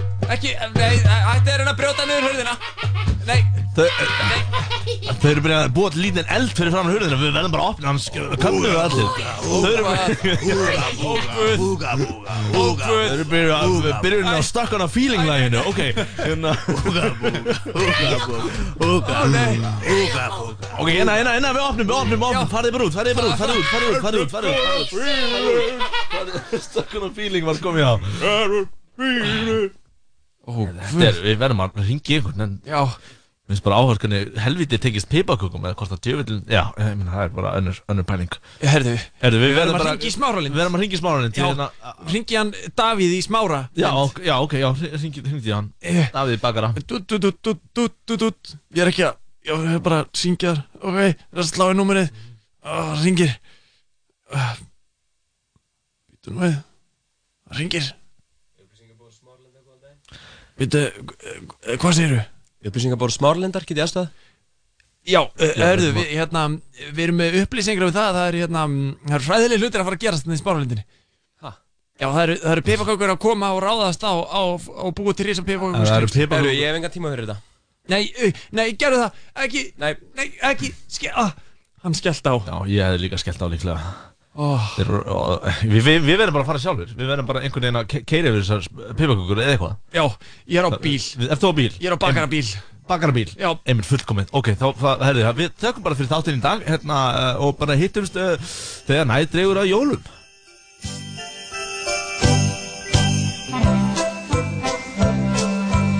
Það var jól og talatalið Pálmi Freyr Haugsson úr Improv Ísland. Jú, gott ef að Ólafur Áskísson var ekki enna með þeim. Hver veit? Jú, þetta var spun, spunaþáttur, stuttur spunaþáttur. Já, hvort þetta var. Spunni, hann... Ótrúlega nokk að þetta hefur aldrei verið, var ekki skrifað niður. Hvernig hefur grunnað? Mm, veistu hvað við ættum að gera? Hvað? Við ættum bara að skrifa þetta niður og gera handrit Já, að réttin. kvikmyndi í fullri lengt. Þannig að, hvernig erstu Jói? Hvernig er stemmingin fyrir þessum fimmtudegi? Hvað er planið? Uh, ég er að pæla að fara í sund. Svo ætla ég að baka pítsu og kannski horfa á The Crown. Baka pítsu Já. mm frá grunni. Uh, já, ég ætla að fara þannig að setja set niður þannig að bara fræ og uh, Hvernig fræ? Hvernig fræ er í pítsu?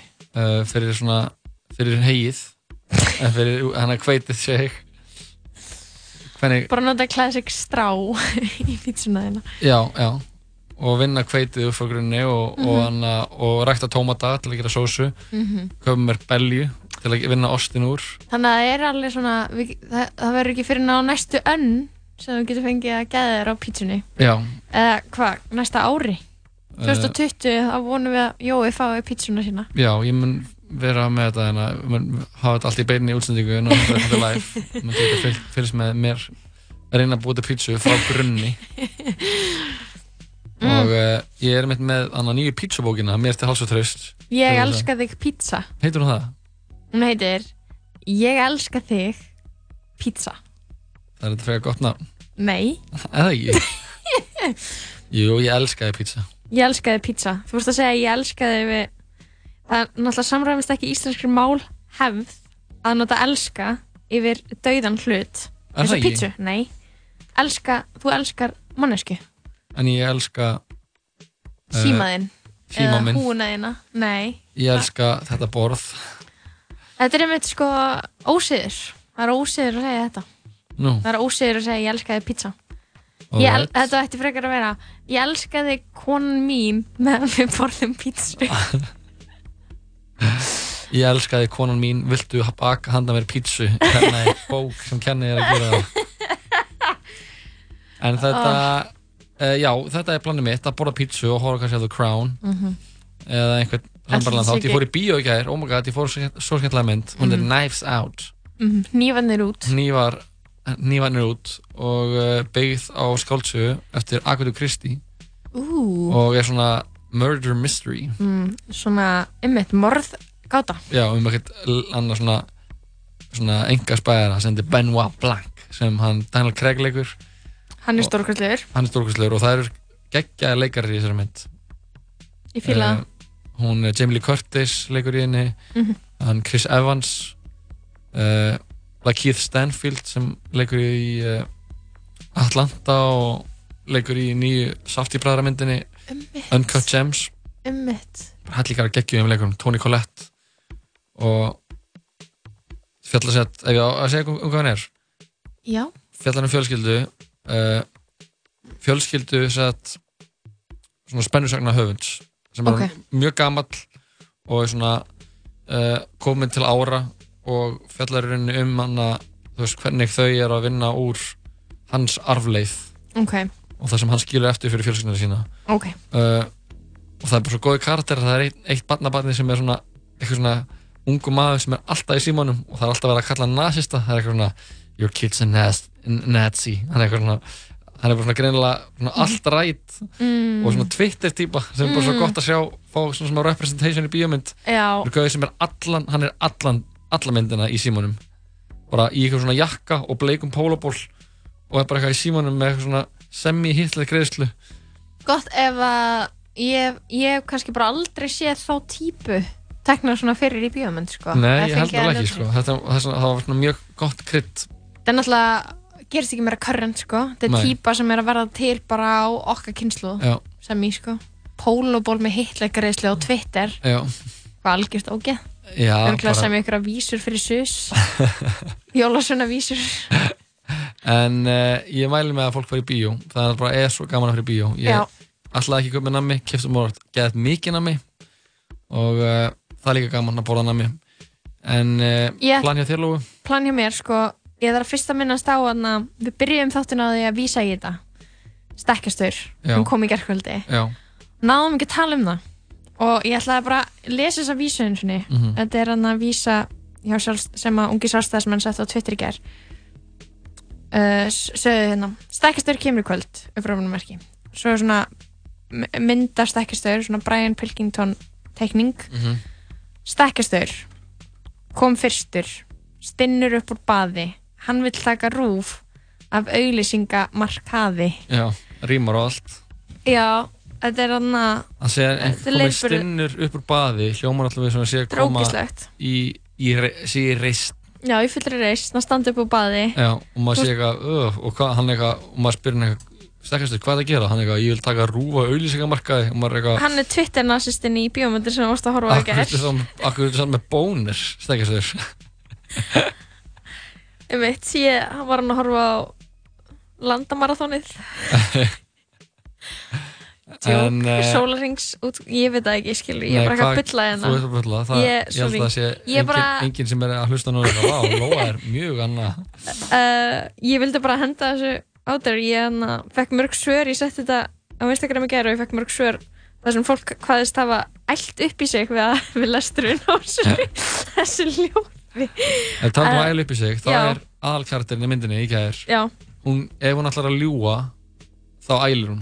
Hún getur ekki logið, hún ælir ok, þegar hún reynir að ljúa. langar að allir vinir mínir séu svona Já, mér líka.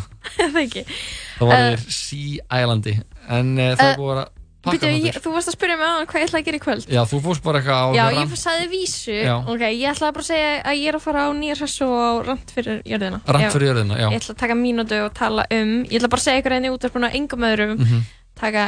Um Bambus tambusta Bambus Mega fokka sér. Ok.